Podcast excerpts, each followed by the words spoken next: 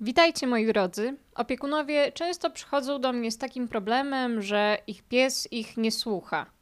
Powtarzają mu jeden, drugi, trzeci, siad, siad, siad, a on nie słucha. Albo w domu słucha, a na spacerze już nie słucha. I takich przykładów może być jeszcze naprawdę całe mnóstwo. Zatem o co tak naprawdę chodzi? Dlaczego ten pies nas nie słucha? O tym porozmawiamy w dzisiejszym odcinku. Ja jestem Klaus, jestem zoopsychologiem, trenerem zwierząt, a to jest podcast Psi Lifestyle. Sytuacja z życia wzięta. Halo, dzień dobry, ja mam taki problem z moim pieseczkiem, ponieważ ja się tak staram i daję mu tyle smaczków, ale on mnie nie słucha. I co ja mam zrobić z tym fantem? Droga pani, proszę z pójść do weterynarza i sprawdzić, czy nie jest głuchy. Dziękuję. 500 złotych. No dobrze, na potrzeby tego podcastu załóżmy jednak, że nasz pies nie ma problemów ze słuchem. Więc jakie mogą być przyczyny tego, że nasz pies nas nie słucha albo nas nie słyszy? No, pierwszą z nich może być złe skomunikowanie się z opiekunem. Mianowicie, pies może po prostu nie do końca rozumieć, o co nam chodzi. Często dzieje się tak dlatego, że ucząc psa nowego zachowania, na przykład siadania albo warowania, jednocześnie wypowiadamy polecenie, czyli siad, i pokazujemy psu gest. W związku z tym pies uczy się, że ma usiąść, ale wtedy, kiedy usłyszy siad i zobaczy nasz gest czyli rękę nad jego nosem naprowadzającą go na siadanie. W takiej sytuacji nie możemy oczekiwać od psa, że będzie nam siadał na samo słowo siad, ponieważ nauczyliśmy go, że ma siadać wtedy, kiedy usłyszy to hasło i zobaczy gest. To jest jeden z takich bardzo częstych i podstawowych tak naprawdę błędów komunikacyjnych, jakie popełniają zazwyczaj początkujący opiekunowie i nie ma w tym nic złego, bo wszystko trzeba sobie wyćwiczyć. Ale warto tutaj zwrócić uwagę na to, że kiedy uczymy psa nowego zachowania, to pomijając już wcześniejsze kroki, chcę tutaj zwrócić uwagę na to, że pomiędzy hasłem, czyli słowem siad i ewentualnym gestem, jeżeli ten jest potrzebny, powinna być przerwa, powiedzmy pół sekundy, może około sekundy, tak żeby hasło i gest nie występowały jednocześnie, bo wtedy pies się nauczy dokładnie tego, że ma wyko wykonywać to zadanie na hasło i na gest. No i w takiej sytuacji możemy powiedzieć, że mamy spaloną komendę. Ponieważ docelowo jednak chcielibyśmy, żeby pies umiał siadać na słowo siad, a nie na słowo siad plus na pokazanie mu ręką, że ma usiąść. To się niestety często bierze z tego, że opiekunowie chcą szybko nauczyć swojego psa danego zachowania. I jak widzą, że ten ich gest działa, to dodają komendę nie zabierając gestu. I wtedy, ok, to też działa, bo pies siada. Ale nie będzie siadał, kiedy na przykład będziemy siedzieć na kanapie i poprosimy go o to, żeby usiadł. No, nie będzie wiedział o co nam chodzi. No i summa summarum będziemy mieli dwa razy tyle roboty, bo będziemy musieli odczarować to hasło albo zmienić je na zupełnie inne i nauczyć psa od samego początku siadanie na inne hasło. Kolejną taką rzeczą jest powtarzanie psu tego samego hasła, zanim wykona dane zachowanie. Na przykład uczymy psa siadać. Again. I zamiast jednego siad mówimy do psa: siad. Nie siada. Siad. Nie siada. Siad. Zaczynamy się frustrować. Nie siada. I co się tutaj dzieje? Pies nie rozumie, o co nam chodzi. I znowu spalamy sobie komendę.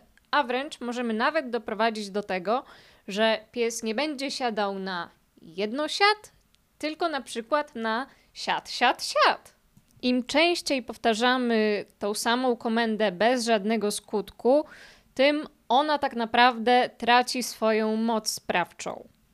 Więc jeżeli powiemy psu jakieś hasło i on nie zareaguje na to hasło, możemy je powtórzyć.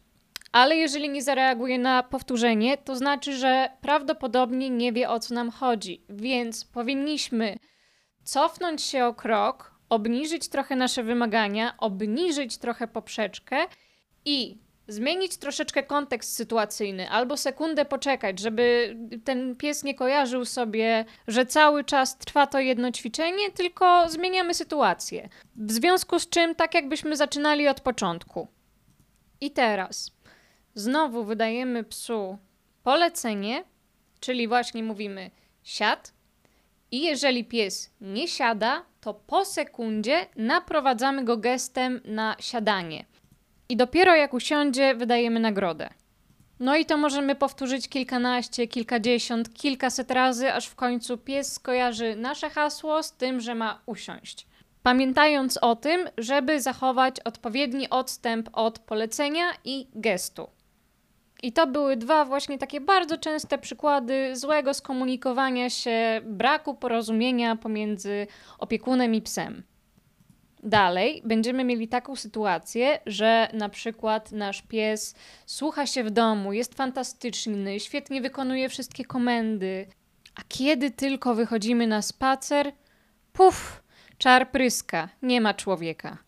I tutaj tych przyczyn może być kilka. Może to wynikać z tego, że na przykład zawsze ćwiczyliśmy z psem w domu, ale w sumie na spacerze już nam się nie chciało i tam nie pracowaliśmy nigdy z psem. Prawda jest taka, że jeżeli chcemy, żeby pies rzeczywiście coś umiał, to powinniśmy z nim to przećwiczyć w różnych środowiskach.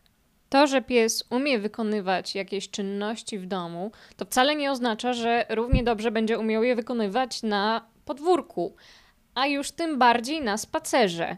Dlatego warto jest zaczynać trening w takim rzeczywiście najprostszym dla psa środowisku, czyli właśnie dom, kuchnia, salon, takie znane Y, środowisko, w którym nikt nie będzie specjalnie rozpraszał jego uwagi, ale z czasem należy tak jakby wprowadzać coraz więcej tych rozproszeń. Poćwiczyć z psem na ogródku. Jeżeli na ogródku mu już dobrze wychodzi, może warto wyjść przed dom.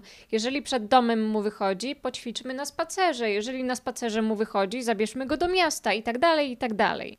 I w tym punkcie czymś, co najbardziej przeszkadza naszemu psu w tym, żeby się na nas skupił, są właśnie rozproszenia. I warto tutaj podkreślić, że w zależności od predyspozycji rasowych, albo jeżeli mamy psa w typie rasy, to różne rzeczy będą rozpraszały różne psy. Na przykład zapachy będą bardziej rozpraszały psy tropiące, a jakieś szybko poruszające się przedmioty, hulajnogi, deskorolki, samochody, piłki, mogą nam rozpraszać psy pasterskie.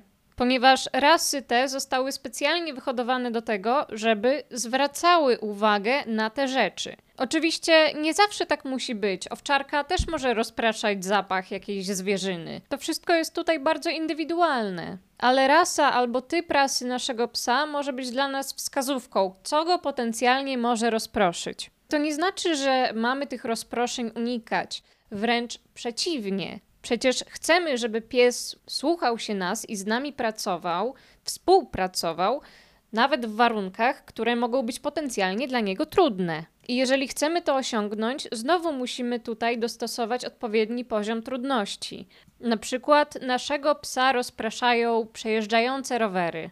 W takiej sytuacji warto jest się udać z nim w pobliże jakiejś ścieżki rowerowej, gdzie tych rowerzystów się trochę kręci.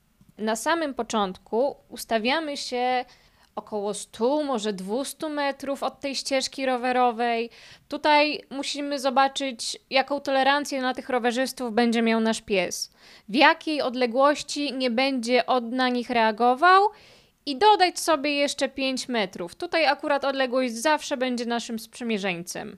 Jeżeli jesteśmy te przykładowe 100 metrów od tej ścieżki rowerowej i nasz pies widzi tych rowerzystów, ale na nich nie reaguje, chwilę tam z nim poćwiczmy, pobawmy się, poróbmy jakieś fajne rzeczy i następnym razem możemy podejść tej ścieżki trochę bliżej. Potem znowu trochę bliżej, potem trochę dalej, potem jeszcze bliżej, potem jeszcze kawałek dalej, potem jeszcze dużo bliżej.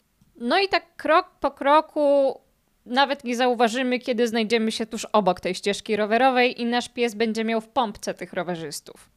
Musimy tylko zwrócić uwagę na to, żeby nasz pies się nie niepokoił. Mianowicie, jeżeli zauważymy, że napnie na przykład swoją postawę ciała w stronę tych rowerzystów i będzie im się intensywnie przyglądał, no to już jest dla nas sygnał, że okej, okay, jesteśmy trochę za blisko i tutaj lepiej się cofnąć. Zwiększyć trochę odległość, tak żeby pies nie czuł się już zaniepokojony i mógł się z powrotem na nas skoncentrować. Warto również zwrócić uwagę na to, w jakim nastroju jest nasz pies podczas ćwiczeń. Dużo łatwiej i chętniej będzie uczył się nowych rzeczy, jeżeli będzie wyspany, wesoły, zrelaksowany i pełen energii, niż jeżeli miałby być przestraszony albo sfrustrowany. No wtedy lepiej zostawić ćwiczenia na inną okazję. Bo nie dość, że ćwiczenia będą wtedy mniej skuteczne, to jeszcze będą dla psa znacznie mniej przyjemne, a jednak chcemy, żeby treningi były zawsze super i żeby były dla psa świetną zabawą, bo wtedy będzie najbardziej zmotywowany i będzie miał z nami świetnie spędzony czas, co dodatkowo przyczyni się do budowania naszej relacji. Kolejnym powodem, dlaczego nasz pies może nas nie słuchać, może być po prostu to, że nie jest on wystarczająco zmotywowany. I być może mu się to po prostu nie opłaca, bo w środowisku jest o wiele więcej dużo ciekawszych rzeczy niż my. O tym, czym jest motywacja, jak ją budować, jakie są typy motywacji i jak dostosować odpowiedni motywator do danego psa, na pewno będę jeszcze wspominała w następnych odcinkach. Na ten moment przyjmijmy jednak, że motywacja to stan gotowości do podjęcia określonego działania wzbudzony jakąś potrzebą. I tutaj o potrzebach i o hierarchii potrzeb wspominałam już co nieco w poprzednim podcaście. Dla przypomnienia warto zerknąć sobie na piramidę psich potrzeb Lindy Michaels. Na samym dole tej piramidy będziemy mieli pożywienie – i właśnie dlatego z psami bardzo często pracuje się na jedzeniu, ponieważ jest to ich naturalna potrzeba do zdobywania pożywienia. Z psami też często pracuje się na zabawkach, na szarpakach, takich, które uciekają, trochę na przeciąganiu, bo tutaj wykorzystujemy popęd łowiecki. Czasami jako nagród używamy nagrody socjalnej, czyli pochwały albo pogłaskania, e, albo odbiegnięcia kawałek ze swoim psem. Tutaj akurat pracujemy na jego potrzebach socjalnych. Do motywowania i nagradzania możemy również wykorzystać środowisko w bardzo ciekawy sposób. I tutaj znowu wszystko będzie zależało od rasy i od predyspozycji naszego psa. Załóżmy, że mamy jakiegoś retrievera, powiedzmy labradora. I ten nasz labrador uwielbia wodę, uwielbia pływać. Taką nagrodą środowiskową może być właśnie pozwolenie mu na pływanie, albo nawet zachęcenie go do tego, żeby wskoczył sobie do jeziora i popływał. Tylko musimy go poprosić najpierw o wykonanie jakiejś czynności i w nagrodę, powiedzmy, wydajemy komendę na pływanie. No i to jest absolutnie genialne, bo nie potrzebowaliśmy tutaj żadnych akcesoriów, żadnych smakołyków, żadnego szarpaka. Ale minusem jest, że musimy się znaleźć w odpowiednim środowisku, żeby to się udało. I taką nagrodą środowiskową może być bardzo wiele rzeczy. Jeżeli nasz pies lubi kontakt z innymi psami, równie dobrze możemy go poprosić, żeby znowu coś zrobił, a potem zachęcić go do kontaktu z tymi innymi psami.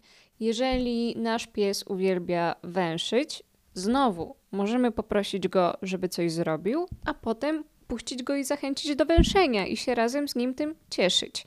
Najważniejsze jest to, żeby dobrać odpowiedni rodzaj motywacji do naszego psa. I tutaj najlepiej sprawdzi się metoda prób i błędów. Jeżeli nasz pies nie jest super zmotywowany na smakołyki, to albo trzeba mu tą motywację wypracować, albo sprawdzić, czy na przykład nie będzie chciał bardziej pracować na zabawki, albo właśnie na nagrody środowiskowe, albo na socjal. Warto jest wręcz zrobić sobie listę takich rzeczy, które najbardziej motywują naszego psa. I te, które będą najsilniejszymi motywatorami, wykorzystywać tylko w takich, powiedzmy, najtrudniejszych dla psa sytuacjach, albo jeżeli osiągnie w czymś wybitny sukces zostawić je sobie na tak zwane super nagrody. a najczęściej będziemy pracować po prostu na tych nagrodach, które pies lubi. Warto zaznaczyć to, że z biegiem czasu ta motywacja u naszego psa będzie wzrastać. Te nagrody, które pierwotnie były powiedzmy tymi trochę mniej lubianymi nagrodami, staną się bardziej lubiane. Będziemy mieli wybudowaną historię wzmocnień, czyli taką historię sukcesów. I dajmy tutaj przykład smakołyków. Po jakimś czasie smak, smakowitość tego smakołyka nie będzie już tak istotna jak sama czynność zdobywania go oraz ta chęć pracy z nami wzrośnie. Pies odnosił dużo sukcesów, ta praca była dla niego przyjemna, świetnie się przy tym bawił, i w związku z tym, po jakimś czasie, sama informacja, że zrobił coś dobrze, i nasz entuzjazm, i nasza radość będą prawdopodobnie wystarczająco silną nagrodą. Ale i tak od czasu do czasu warto coś podrzucić, wiadomo. Bo jeżeli całkowicie pewnym momencie wyeliminujemy te nagrody, których używaliśmy wcześniej, no to pies może stwierdzić, kurczę, no kiedyś było fajnie, dostawałem te nagrody, a teraz już ich nie ma, no to w zasadzie po co ja mam to robić? Samo brawo nie wystarczy. Więc warto jest tak czy siak od czasu do czasu podtrzymywać tą motywację. Czasami może nawet dać coś lepszego, albo zaproponować jakąś bardziej entuzjastyczną zabawę, żeby pies się po prostu nie zniechęcił. Następną przyczyną, dlaczego nasz pies może nas nie słuchać, będzie tutaj brak konsekwencji. Jeżeli jesteśmy konsekwentni w treningu, jesteśmy łatwiej w stanie dojść do konkretnych efektów. I nasz pies tutaj również będzie czuł się o wiele lepiej, jeżeli będziemy mu stawiali jasne i klarowne wymagania i właśnie będziemy konsekwentni w tych naszych wymaganiach. I to absolutnie nie znaczy, że mamy być wobec niego surowi. Chodzi tutaj o jasne określenie naszych wymagań i klarowne skomunikowanie się z psem, tak żeby doskonale zrozumiał o co nam chodzi. Jeżeli wołamy naszego psa, i pies do nas przybiegnie, fantastycznie. To znaczy, że zrozumiał o co nam chodzi i osiągnęliśmy swój cel. Ale jeżeli wołamy naszego psa i on biegnie w naszą stronę, ale potem skręci, no to tutaj już gdzieś nasze drogi się rozjeżdżają. I zamiast poprawić psa, powiedzieć mu dokładnie o co nam chodzi, olejemy to, że on sobie pobiegł w drugą stronę no to tutaj nie ma żadnej konsekwencji z naszej strony. Zawołaliśmy psa i tak zaczął biec w naszą stronę, ale do nas nie przybiegł docelowo, czyli nie osiągnęliśmy celu. I jeżeli nie mamy jasno określonych wymagań, no to pies nie ma wtedy nawet szansy im sprostać. Dlatego, jeśli uczymy jakiegoś zachowania albo wymagamy jakiegoś zachowania, warto jest je doprowadzić do końca. A jeżeli coś się nie udaje, to wtedy obniżyć trochę poprzeczkę, tak, żeby zakończyć sukcesem. Na przykład pies faktycznie do nas nie przybiega i skręcił, to możemy spróbować zawołać go jeszcze raz i zacząć uciekać.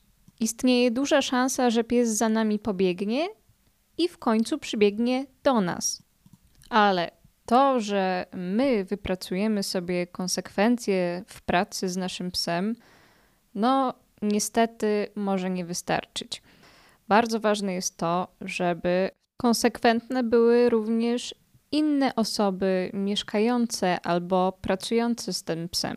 Jeżeli uczymy psa, żeby na nas nie skakał, i my sobie z nim wypracujemy to nieskakanie, ale nasi goście będą uważali, że ojeju, ale to jest przecież słodkie i będą mu pozwalali na siebie skakać, albo nie będą stosować się do zaleceń opiekuna, co powinni robić, żeby ten mały gamoń nie skakał. Niestety, ale zrobimy psu w głowie fixum dyrdum i on nie będzie wiedział, czy może skakać, czy nie może skakać, na tą osobę może skakać, na inną nie może skakać. No nie. Jak uczymy psa nieskakania, no to uczymy psa nie skakania, bez względu na to, kto to będzie, gdzie to będzie, kiedy to będzie. I tak samo bardzo ważne będzie tutaj przetrenowanie w różnych miejscach, nie tylko w naszym domowym środowisku, ale też na spacerze, w mieście i w innych miejscach. Jeszcze innym powodem, dlaczego pies może nas nie słuchać, będą jego złe doświadczenia z przeszłości. Czyli znowu, wołaliśmy psa, no ale ten pies nie za bardzo tak chciał przychodzić, albo przychodził bardzo powoli. No i w końcu, kiedy do nas przyszedł, no to dostał karę, no bo jak on może tyle nie przychodzić? Jest przecież niegrzeczny i nieposłuszny. I teraz zastanówmy się, za co on tak naprawdę dostał tą karę.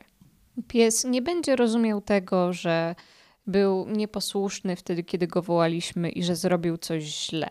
Nie będzie wiedział, że chodzi nam o tamten moment, kiedy go wołamy, a on nie przychodzi. Bo kiedy dostanie karę? Ano wtedy, kiedy do nas przyjdzie. Czyli tak naprawdę ukaramy psa za to, że do nas przyszedł.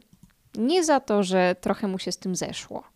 Więc następnym razem no nie będzie mu się opłacało do nas przyjść, ponieważ będzie to się mogło wiązać z konsekwencją ponownego dostania kary. I tutaj niestety opiekunowie wpadają w takie błędne koło, ponieważ dają psu karę myśląc, że dają ją za to, że pies się ociągał. A tak naprawdę pies dostaje karę za to, że przyszedł. W związku z tym następnym razem albo przez kilka następnych razy pies będzie według opiekunów ociągał się jeszcze bardziej. Czyli będzie jeszcze bardziej niegrzeczny. W związku z czym, no to chyba powinien zasłużyć na mocniejszą karę. A według psa, no wygląda to troszeczkę inaczej. Kiedy przychodzę do ciebie, dostaję karę wcale nie chcę do ciebie przychodzić. Będę jak najbardziej odwlekał moment w czasie, żeby nie przyjść i nie dostać kary, ale w końcu będę musiał do ciebie przyjść. I takich sytuacji może być bardzo, bardzo wiele. Jeżeli już mamy psa, który ma złe doświadczenia z przeszłości, no to będziemy musieli włożyć dużo, dużo pracy, żeby te złe doświadczenia odczarować czyli na nowo wybudować solidną historię wzmocnień, tak żeby psu po pierwsze opłacało się do nas przychodzić, a po drugie czerpał z tego przyjemność i czuł się bezpiecznie, że nie spotka go nic złego. Ostatnim już na dzisiaj przykładem, dlaczego pies nas nie słucha, chociaż może w tym wypadku lepiej powiedzieć, że pies nas nie słyszy. Będzie sytuacja, w której pies węszy. Funkcje węchowe, zarówno u psów, jak i u ludzi oraz innych zwierząt, pełni nabłonek węchowy. Z tą różnicą, że u psów jest on znacznie bardziej rozległy niż u człowieka. Na przykład u owczarków niemieckich jest on ponad 30 razy większy niż u nas. Dodatkowo przeciętny człowiek posiada około 5-6 milionów komórek węchowych, a pies w zależności od rasy może ich mieć od 70 do 230 milionów. Tutaj jest taki bardzo fajny, już niektórym znany przykład, że pies jest w stanie wykryć łyżeczkę cukru rozpuszczoną w basenie olimpijskim albo łyżeczkę cukru w milionie litrów wody. I tutaj właśnie pojawia się kolejna sytuacja, kiedy jesteśmy z psem na spacerze i pies węszy.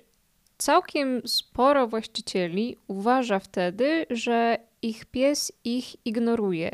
No, nie jest to prawda. Po pierwsze, kiedy pies węszy, jest niezwykle skupiony na rozpoznawaniu danej substancji zapachowej. Wyobraźcie sobie sytuację, w której oglądacie jakiś niesamowicie wciągający serial, albo czytacie porywającą książkę, albo po prostu odpisujecie komuś na SMS-a. I podchodzi do was partner i o coś was pyta. A wy jesteście tak skupieni na swojej czynności, że nawet mu nie odpowiadacie. Ba, nawet mogliście nie zauważyć, że wasz partner stoi obok was i tym bardziej, że o coś zapytał. A po drugie, kiedy pies węszy, jest wtedy uruchamiana opuszka węchowa, czyli obszar kory mózgowej odpowiedzialny za analizowanie zapachów. I ta opuszka węchowa może być nawet 40 razy większa niż u nas. Dlatego pies rzeczywiście może nas nie słyszeć. W takiej sytuacji lepiej jest poczekać, aż pies skończy węszyć i dopiero wtedy go zawołać. Będzie o wiele większe prawdopodobieństwo, że do nas przybiegnie i osiągniemy swój cel.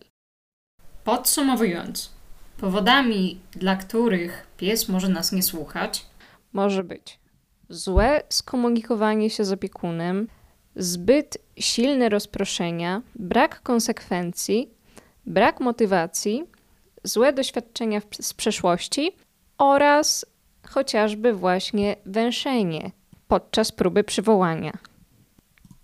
Po więcej takich informacji zachęcam do subskrybowania tego podcastu, a my słyszymy się już za tydzień. Do usłyszenia.